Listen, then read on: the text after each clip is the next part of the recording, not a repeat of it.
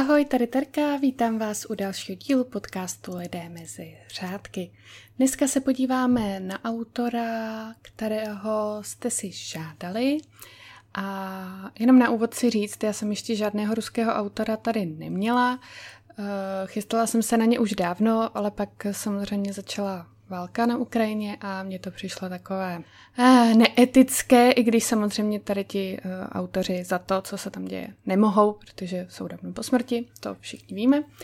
Ale tak teď jsem se rozhodla, že to tabu zbořím a že teda začnu i s ruskými autory. A pro dnešek to bude Vladimír Nabokov. Takže jdeme na to. Vladimír Nabokov se narodil eh, v Dubnu 1899 v Petrohradu do zámožné rodiny. Jeho otec byl Vladimír Dmitrijevič Nabokov a byl právník, známý politik a jeden z hlavních představitelů konstitučně demokratické strany v Rusku. Ta jeho rodina pocházela ze starého ruského šlechtického rodu Nabokovů.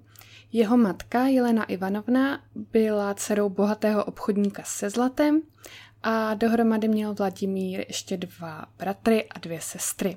V rodině Nabokových se denně hovořilo třemi jazyky, mluvilo se tam rusky, anglicky a francouzsky a díky tomu budoucí spisovatel už uh, ovládal tedy jazyk, ve kterém později psal už od dětství.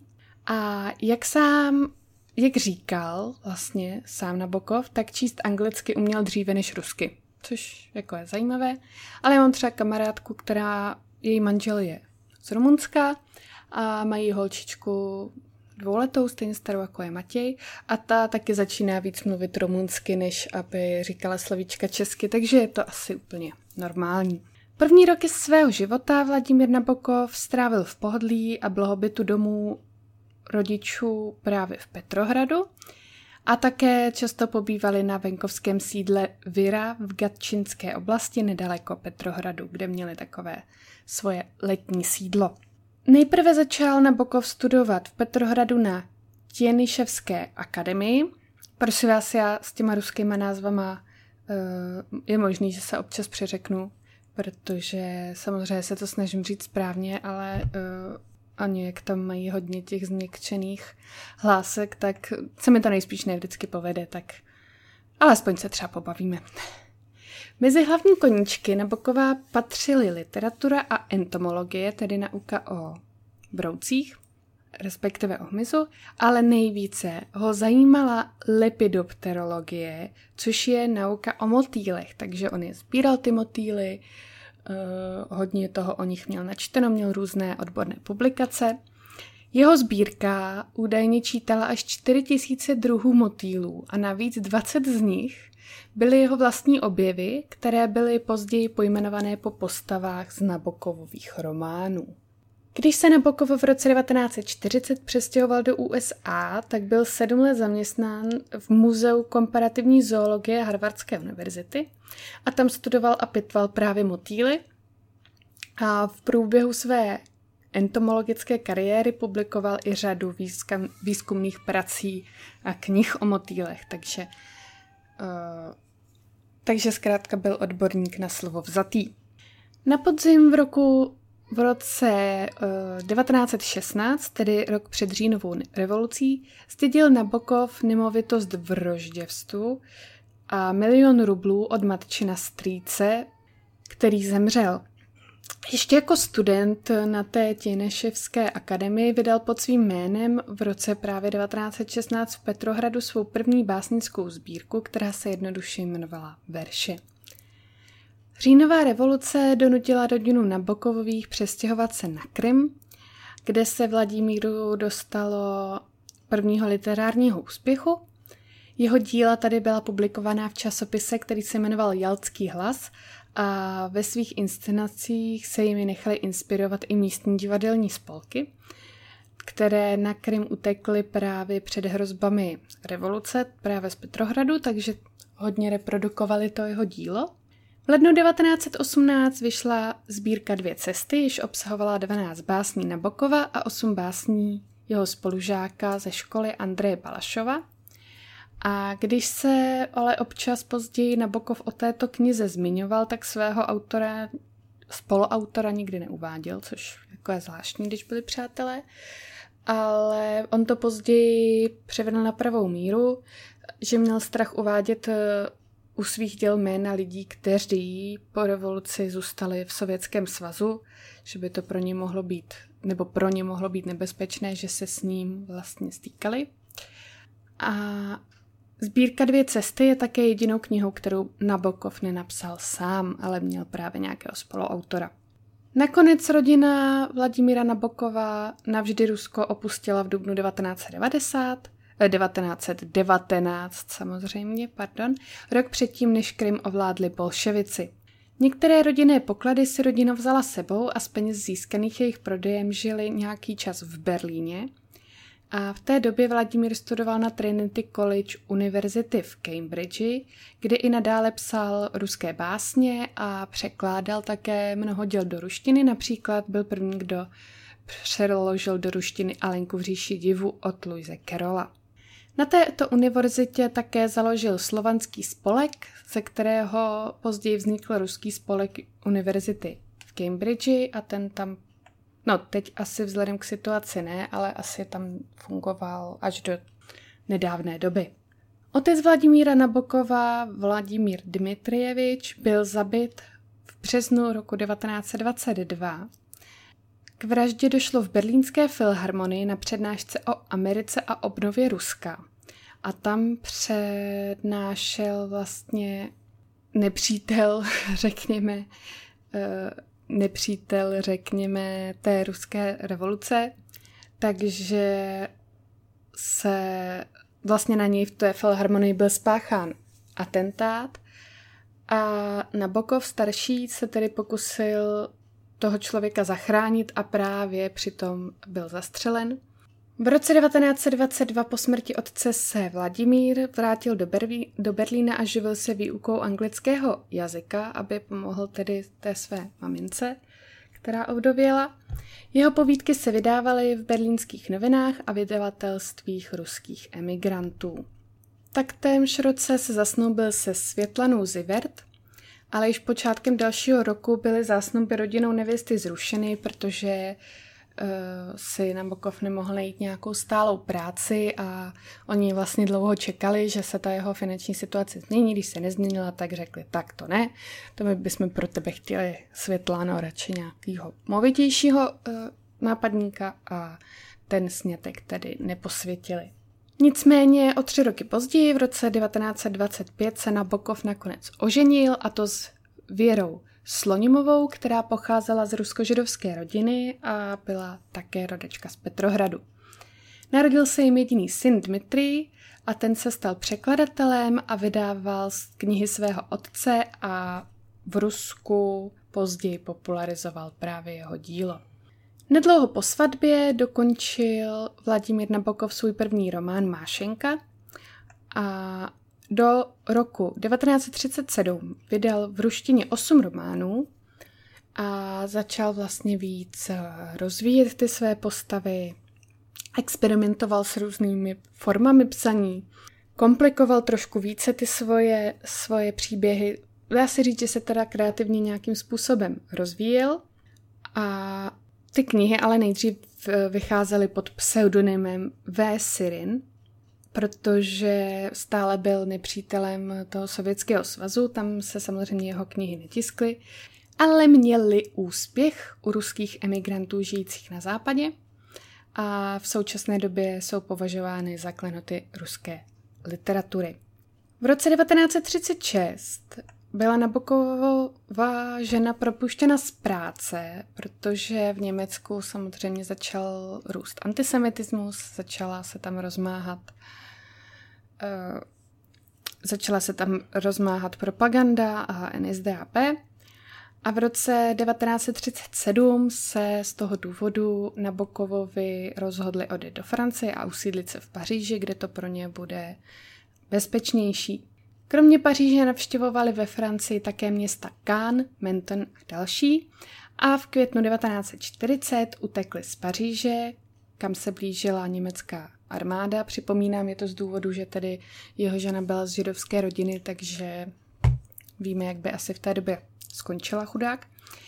A oni teda uh, utekli z Paříže a vydali se do Spojených států americký, posledním dostupným osobním parníkem, který vůbec vyjel a byl to parník společnosti Champlain, který si pronajala židovská společnost, aby zachránila židovské uprchlíky. Takže se dá říct, že to bylo za 5 minut 12.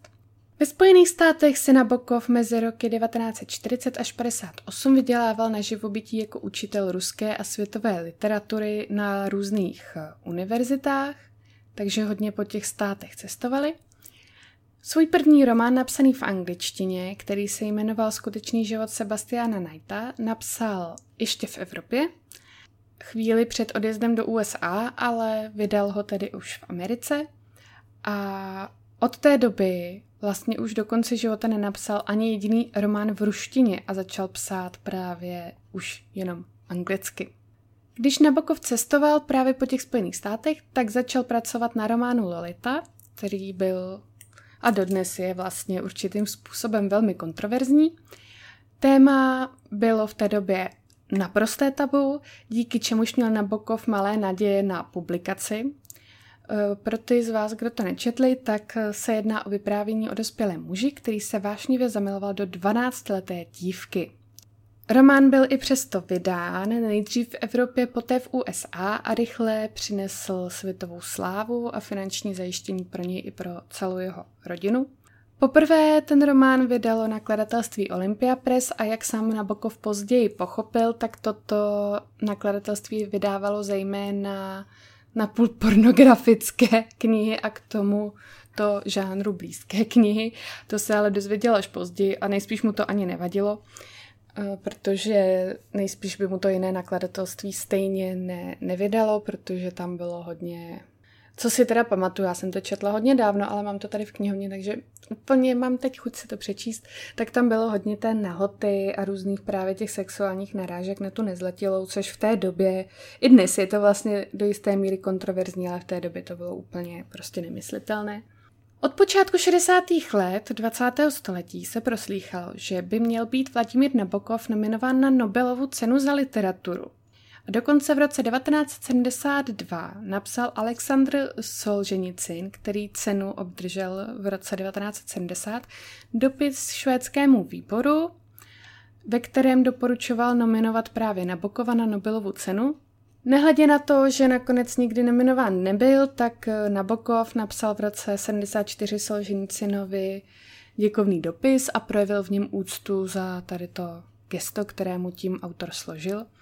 A několik eh, autorů, především z novin, třeba London Times, New York Times nebo The Guardian, následně zařadili Nabokova ke skupině spisovatelů, kterým se neprávem nedostala nominace na Nobelovu cenu.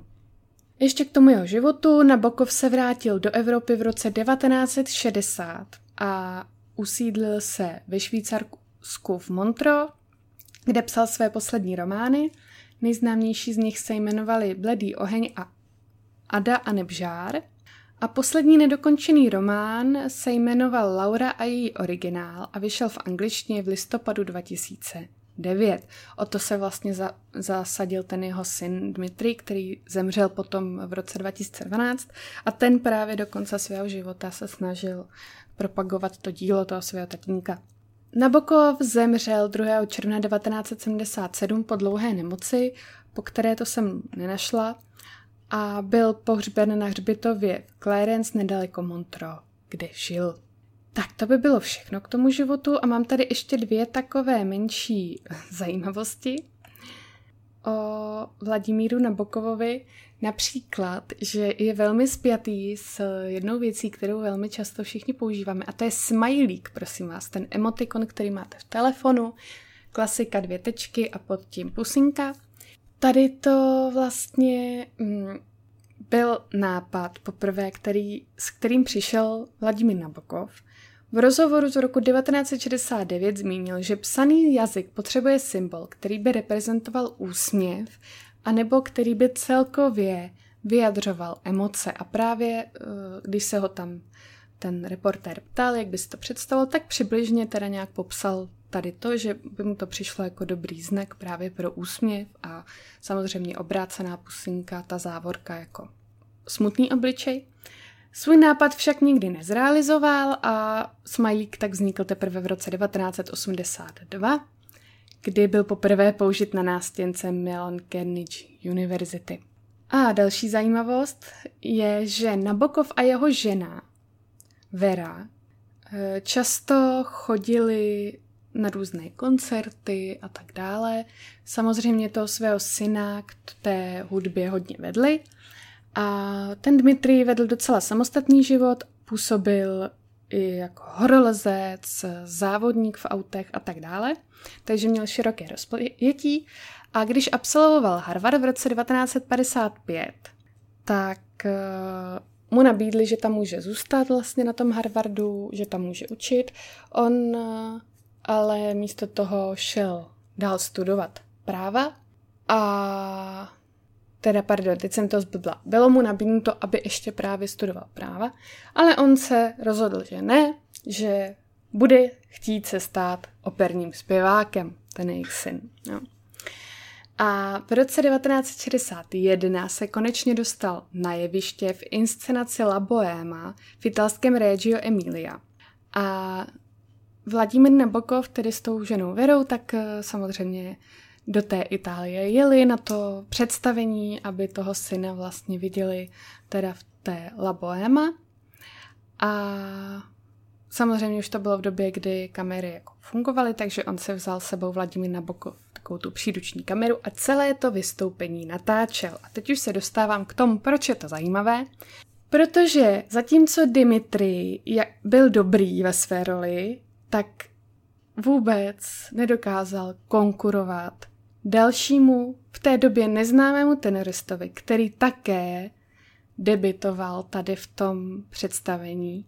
A tento tenorista, prosím vás, byl Luciano Pavarotti, který se velmi rychle tedy proslavil po celém světě.